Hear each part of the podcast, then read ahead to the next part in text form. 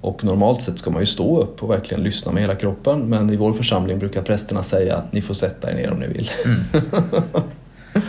Ja, det, så det är solidariskt. Det är det väl, ja.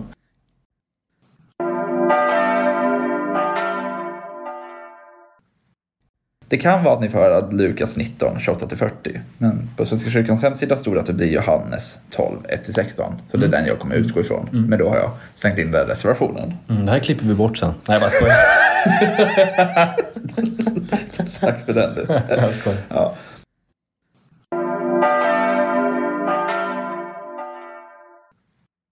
Jag har börjat umgås så mycket med dig. Inspirerad av Ignatius av Loyola.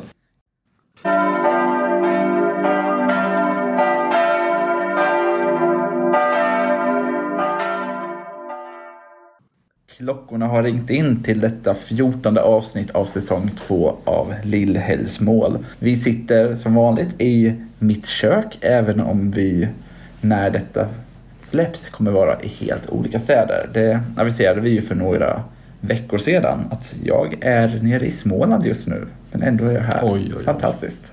Ja, det är inte lätt. Nej. Och jag är då som vanligt Linus Forsberg och bredvid mig sitter som vanligt Jim Lagerlöf. Hallå. Hej. Hur står det till med dig Jim? Jag tror att det är väldigt bra och eh, jag har ju bytt till vårskor Mm. precis ganska nyligen här. Det, jag tar av mig, väntar väldigt länge med att ta av mig handskarna. Mm. Jag tycker inte om att frysa om händerna. Nej? Men eh, nu börjar det närma sig tror jag. Jag sätter också på mig handskar väldigt tidigt. Min fru är ju tvärtom, hon har väldigt varma händer och då tar hon liksom, hon är fram till december eller någonting innan hon tar på sig vantar eller någonting. Men jag, väldigt snabbt, Mm. eh, fram med vantar. Ja, jag vill absolut inte frysa om händerna. Ja, nej, men precis. Men det behöver man snart kan ta av sig. Mm. Väldigt skönt. Mm. Och mig är det också bra. Jag Mm. förbereder jag mig inför att predika i Växjö domkyrka. kommer jag göra under den här Mm. kommande söndagen. Just det. Det känns väldigt mäktigt att få ja, men, stå ändå i, i den katedralen, stå i predikstolen och predika på en hög mässa. Just det ja. ja. Det är ju som sagt en av få domkyrkor som jag inte själv har besökt. Kan inte riktigt komma på hur det ser ut där inne. Jag, jo men du, jag, se, jag minns att det var en humorgrupp någon gång som klädde ut sig till Jesus och gick in på påskdagens Ja, nej, men det tror jag. Och då, då minns jag att då såg jag interiören där. Ja, precis. Ja.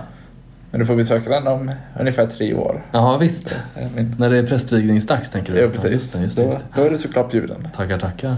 Ja, jag tänker att vi skyndar vidare till, till det som vi ska, är satta att prata om i denna podd, även om vi pratar om mycket annat också. Mm. Men det är ju kommande söndags evangelietext. Och vad kommer ni läsa i katolska kyrkan?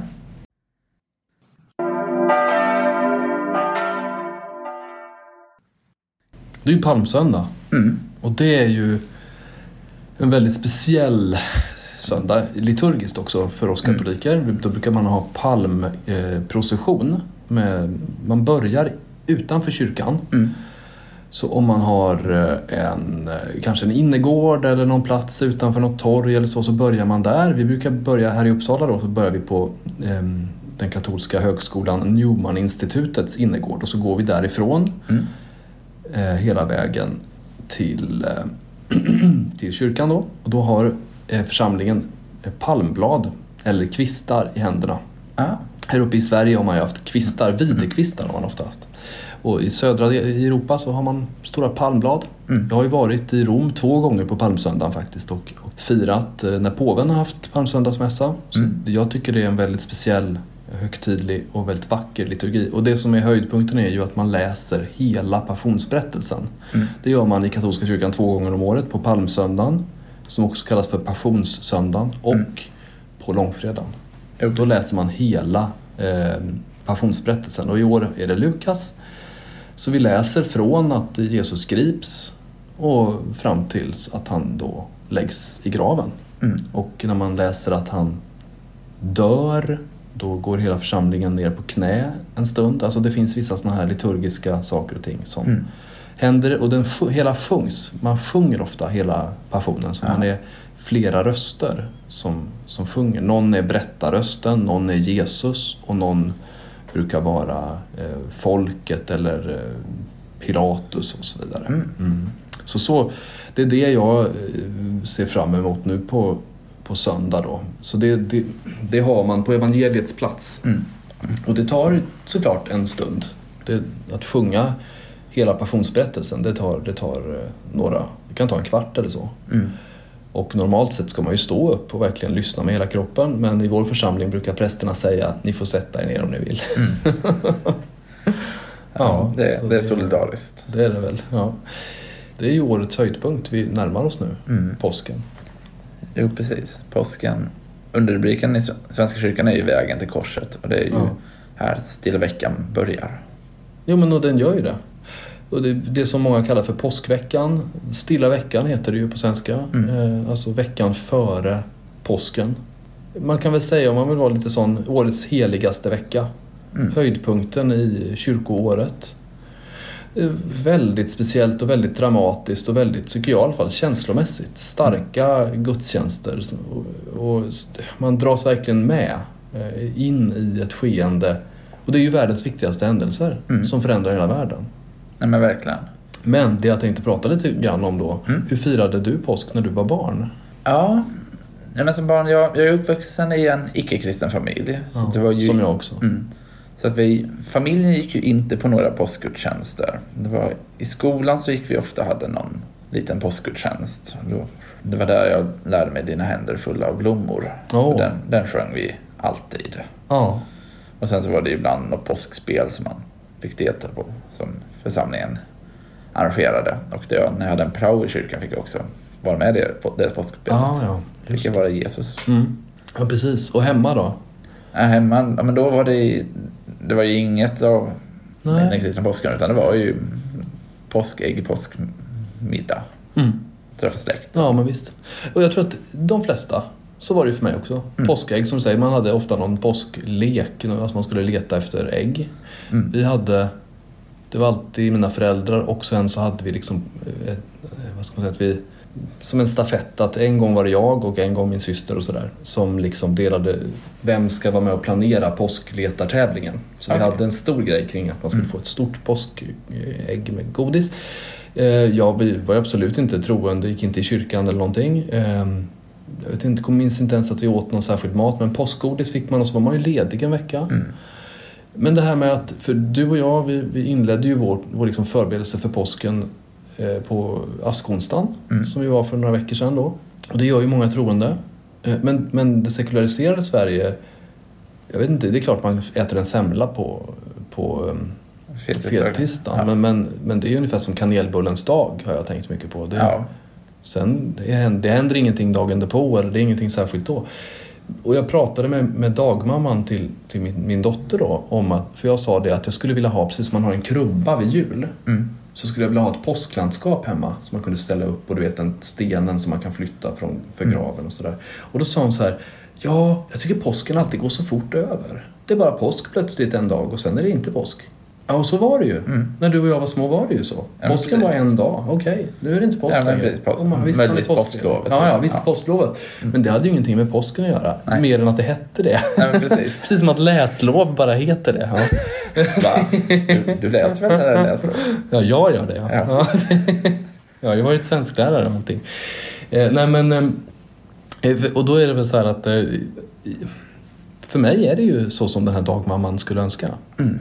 Påsken är ju i full, fullt fokus för mig. Alltså hela fastan är ju liksom vägen upp till Jerusalem och, och jag vill ju ha ännu mer av det där. Mm. Jag älskar påsken och jag vill att fler ska få uppleva den, få märka den.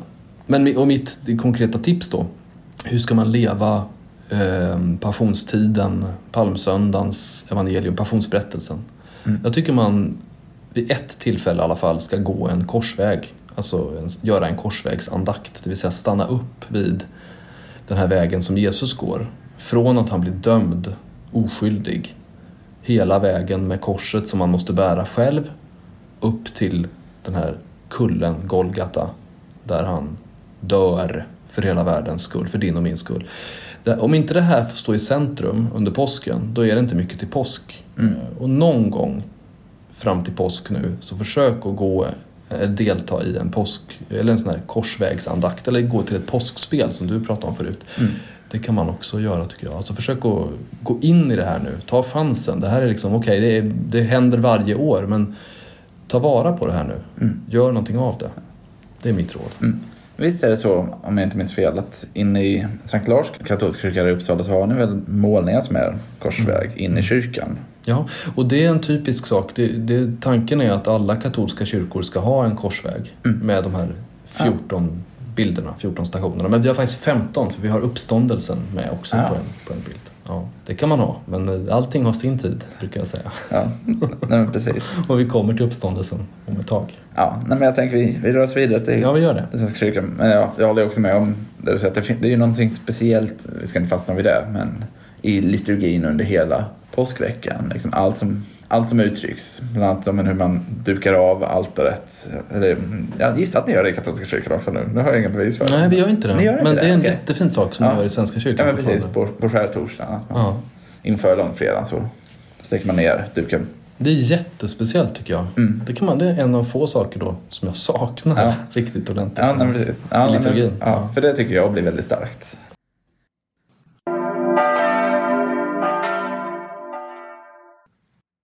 Men om vi går in på texten som ska läsas i Svenska kyrkan på söndag Mm. så kommer jag nu lägga in en stark reservation. Jag Okej. är väldigt osäker. Man bryter ju mellan, precis som du sa, Lukas, man bryter ju olika serier Mm. i påsken i Svenska kyrkan. Ja, ja. I år ska det vara Lukas-serien. Det som det står på Svenska kyrkans hemsida vi läser är ändå från Johannes. Jag vet inte om det är att Johannes faktiskt ändå bryts in i Lukas-serien. Hmm. Medan i kyrkåret-appen som jag ofta använder, som Mm. är en väldigt bra app, där har de med Lukas. Jaha. Så att jag är lite osäker. Vilken har du valt då? Jag gick på det som ändå är på Svenska kyrkans hemsida. Ja. Det kan vara att ni får höra Lukas 19, 28-40. Men på Svenska kyrkans hemsida stod det att det blir Johannes 12, 1-16. Så det är den jag kommer utgå ifrån. Men då har jag slängt in den där reservationen. Mm, det här klipper vi bort sen. Nej, jag bara skojar. Tack för den du. jag skojar. Ja. Nej, men det händer ju väldigt mycket i, i den här evangelieläsningen. Det är ju smörjelsen i Betania. Och där vi höra hur Judas ville hellre sälja den här oljan. Det är översteprästerna som kom överens om att man också vill döda Lazarus för att eh, han började dra till sig folk. Och att Jesus dagen efter rider in i Jerusalem på en åsna där folk lägger ut palmkvistar. Mm. Och det finns ju hur mycket som helst man egentligen skulle kunna fastna vid. Ja. Men jag har en fråga som jag verkligen har tänkt på, som jag har brottats med. Och det är frågan, var Judas ond? Gjorde Mm. Judas fel? Mm. Kul! Mm, så det tänker att vi Eller prata kul fråga. Ja, nej, men precis. Så det tänker jag att vi ska prata lite om. Mm. För att det är ju väldigt... Det finns väldigt många goda skäl för att säga ja, Judas liksom gjorde fel, Judas hade ont sinnelag, allt det. Och Jesus säger också på något tillfälle att, tillfälle att för den som gör det här så hade det varit bättre att den aldrig blivit född. Mm. Samtidigt, och det finns ju också med i den här, i den här evangelieläsningen, att Jesus säger ju att liksom Jesus, inför Judas så pratar Jesus om det som ska ske. Jesus vet om det, Jesus berättar om det för Judas. Och det är ju väldigt många andra ställen i evangeliet där det är tydligt att det här måste ske för att Guds, liksom, det är Guds plan. Ja. Och om det då är Guds plan att det här ska ske, gör då Judas fel? Som så att säga ha, har den rollen att se till att det sker. Mm. Jag tycker det här är en klassiker, Mm. den här frågan. Man kan jämföra med farao i eh, Egypten. Mm. Det står ju i Andra Mosebok att Gud hade förstockat hans hjärta. Mm. Så på ett sätt är det Gud som har hela kontrollen Mm. över skeendet. Å andra sidan så måste vi tänka oss att farao reagerar agerar utifrån sin, sina utgångspunkter Mm. och den mänskliga friheten. Ehm, Men det, det där är... Jag, jag tycker inte... Jag, jag tror att själ- själva detta att förråda Jesus, Mm. ehm, det är inte det värsta Judas gör.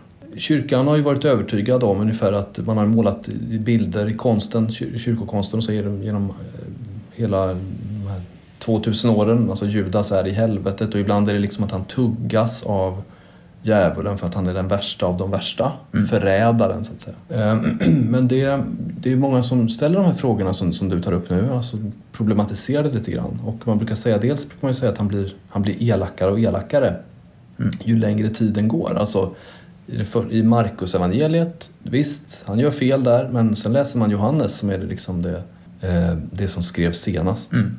Och där är han mycket värre. Han är en tjuv till och med. Va? Nej, men precis. Så, så att han utmålas redan som en, en problematisk person från början. Ja. Och det är det som tas upp i Ja. just den här evangelietexten. Ja, exakt. exakt. Och det är därför han tycker att han borde sålt den här oljan. Och det är ju inte av omsorg för Nej. den fattiga utan för att han ville ha mer pengar. Och i, i parallella evangelier så är det ju inte Judas som frågar detta. Men i Johannesversionen så är det, är det just Judas. För att liksom göra honom värre. Jag tänker, vad, vad är det då som gör att man, som man, att man kan tänka att Judas ändå är en problematisk figur då? Och det är en väldigt sorglig sak. Mm. Det är ju att han inte får se uppståndelsen. Mm. För han går ju och tar livet av sig. Petrus förråder ju också Jesus. Mm. Han vill ju inte kännas vid honom och så. Alltså en av hans bästa vänner som säger jag känner inte den mannen. Mm. Eh, det, är ingen stor, det är inte så stor skillnad mellan det Petrus gör och det Judas gör. Nej. Men skillnaden kommer ju efteråt. Petrus får försoning, som ju vi pratade om också förra avsnittet ju. Mm. Som är jätteviktigt. Petrus får chans att försonas med Jesus. Men Judas tappar hoppet och går och hänger sig. Och där är den stora skillnaden. Judas ger upp. Petrus gör inte det. Mm. Eh, och det är klart, när man pratar om, om suicidproblematik, det är ju, vet vi ju numera, väldigt mycket mer komplicerat och har ibland att göra med psykisk sjukdom eller depression att göra. Men det är ändå där skillnaden ligger mellan de två, att den ena får chansen att försona sig med Jesus och den andra får aldrig den chansen. Mm. Och det är lite de här sakerna man, jag också brottas med. Som jag tänker, ja, men det finns något intressant att diskutera där. Men jag, men jag fastnar också i en annan grej. Just det vi pratade om att Judas förråder Jesus. Där har jag nu, man håller på att göra en ny översättning av Nya Testamentet. Och där fick jag höra från en av dem i den processen att man diskuterar att byta ut just ordet eh, förråder till, jag minns inte om det var utlämnar eller överlämnar. Utifrån det spåret jag var inne på, att någonstans så uttrycker det ju kanske lite mer att ja, men om Jesus vet att det här ska ske, om man också någonstans är inställd på det, blir man då i språkets rätta mening verkligen förrådd? Det kanske man inte blir. Från början var jag väldigt skeptisk när jag hörde detta. Men sen har jag mer och mer tänkt att ja, men det är kanske ändå utlämnad eller överlämnad, minns inte det ordet, som han blir och inte just förrådd. Du har sett Jesus Christ Superstar, tänker jag mig. Nej, det har jag inte gjort. Har du inte gjort det? Nej. Nej, det, där är ju Judas, eh, han är ju, framställs ju där som en person som verkligen hoppas på att Jesus ska visa vem han är. Mm. Eh, Och den idén finns ju också hos teologerna, att Judas gör detta för att framkalla att Jesus ska liksom träda fram som den verkliga Messias. Mm. Inte en som dör på ett kors då så att säga, utan en som är den här som upprättar sitt fysiska, materiella kungarike. Mm. Så som många judar hoppades. Eh, Den, den idén finns också i, i den här musikalen. Jag rekommenderar dig att se den. Ja, Eh, mm. Verkligen, jag trodde du hade gjort det. Ja, nej, den, är- det står på min att göra det. Ja, verkligen. Jag tycker ta chansen om du får chansen. Ja. Mm. Mm, nej, precis. Och om man tänker hur man ska leva ut det här evangeliet. Så är det att jag tänker, jag tipsade lite om en, en form av andlig övning förra veckan. Jag håller mig fast vid det. Jag blivit så, Mm. jag har börjat umgås så mycket med dig. Ja. Inspirerad av Ignatius av Loyola. Ja, Mm. ja. Nej, men lite så här, men tänk på någon, så här, och hur långt man går i detta, det, det får man avgöra själv. Lite, man, man ska inte göra, jag tycker inte man ska göra våld på sin, sin själ och sitt välmående här. Nej. Men tänk på någon som gör något du ogillar väldigt starkt. Som, du verkligen känner att det här är verkligen fel. Jag, vi pratade om det förra veckan också, skillnaden mellan att döma och fördöma. Någon som du känner att du dömer, kanske till och med känner att du vill. Ska det vara en riktig person eller ska det vara... Ja, ja, någon i ditt liv. Ja. Ja. precis, någon riktig person. Mm. Och se om det händer något i dig och i din bild. Om du tänker att det någonstans ändå är en del av Guds kallelse i den personens liv som gör att den agerar som den gör. Så- på samma sätt som jag är inne på att det är en del av Judas kallelse Mm. att agera på det här sättet. Och vad händer om jag tänker så kring någon i mitt liv? Händer det någonting? Händer det inte någonting? Nej, Gud kan ju ofta använda det vi gör också om det är någonting dåligt. Mm. Han kan använda det till någonting bra. Det är det som, jag menar korsfästelsen är ju det värsta av det värsta och ändå är det vägen till vår eviga räddning. Mm. Det är det här otroligt paradoxala mysteriet som finns i centrum av vår tro ju. Som Ja, vi precis. egentligen behöver tänka mer på. Mm. Nej, det var en bra, Och en väldigt svår, tänker jag, Jo. övning. Va? Men För, verkligen. man- för om man ogillar någon eller någon, någons handlande då har man ju ofta Antingen har man ju tänkt efter, alltså antingen är det ju bara en magkänsla, jag Mm. ogillar det här. Eh, Och det är ju frågan varför man gör det. Mm. Eller så har man verkligen kommit fram till att den där handlingen tycker jag är moraliskt fel. Mm. Oavsett vad kanske till och med. Ja, det är en bra sak att verkligen fundera på. För det kopplas ju till det här som jag tycker är grundfrågan. Varför är det som är fel fel? Mm. Varför är det som är rätt rätt? Spännande. Ja, med de orden så Mm. förbereder vi oss på att gå in i stilla veckan. Ja, Vi kommer ju inte göra poddar om skärtorsdagen, långfredagen, påskafton. Utan nästa avsnitt handlar ju om påskdagen. Sen kommer vi kanske beröra det som har varit. Det, vi måste nog nästan göra det. ja, precis. I, ja, jag tror det. Men vi hörs på dom, vad heter det? Dymmelonsdagen hörs vi på. Precis. Så allt gott. Allt gott.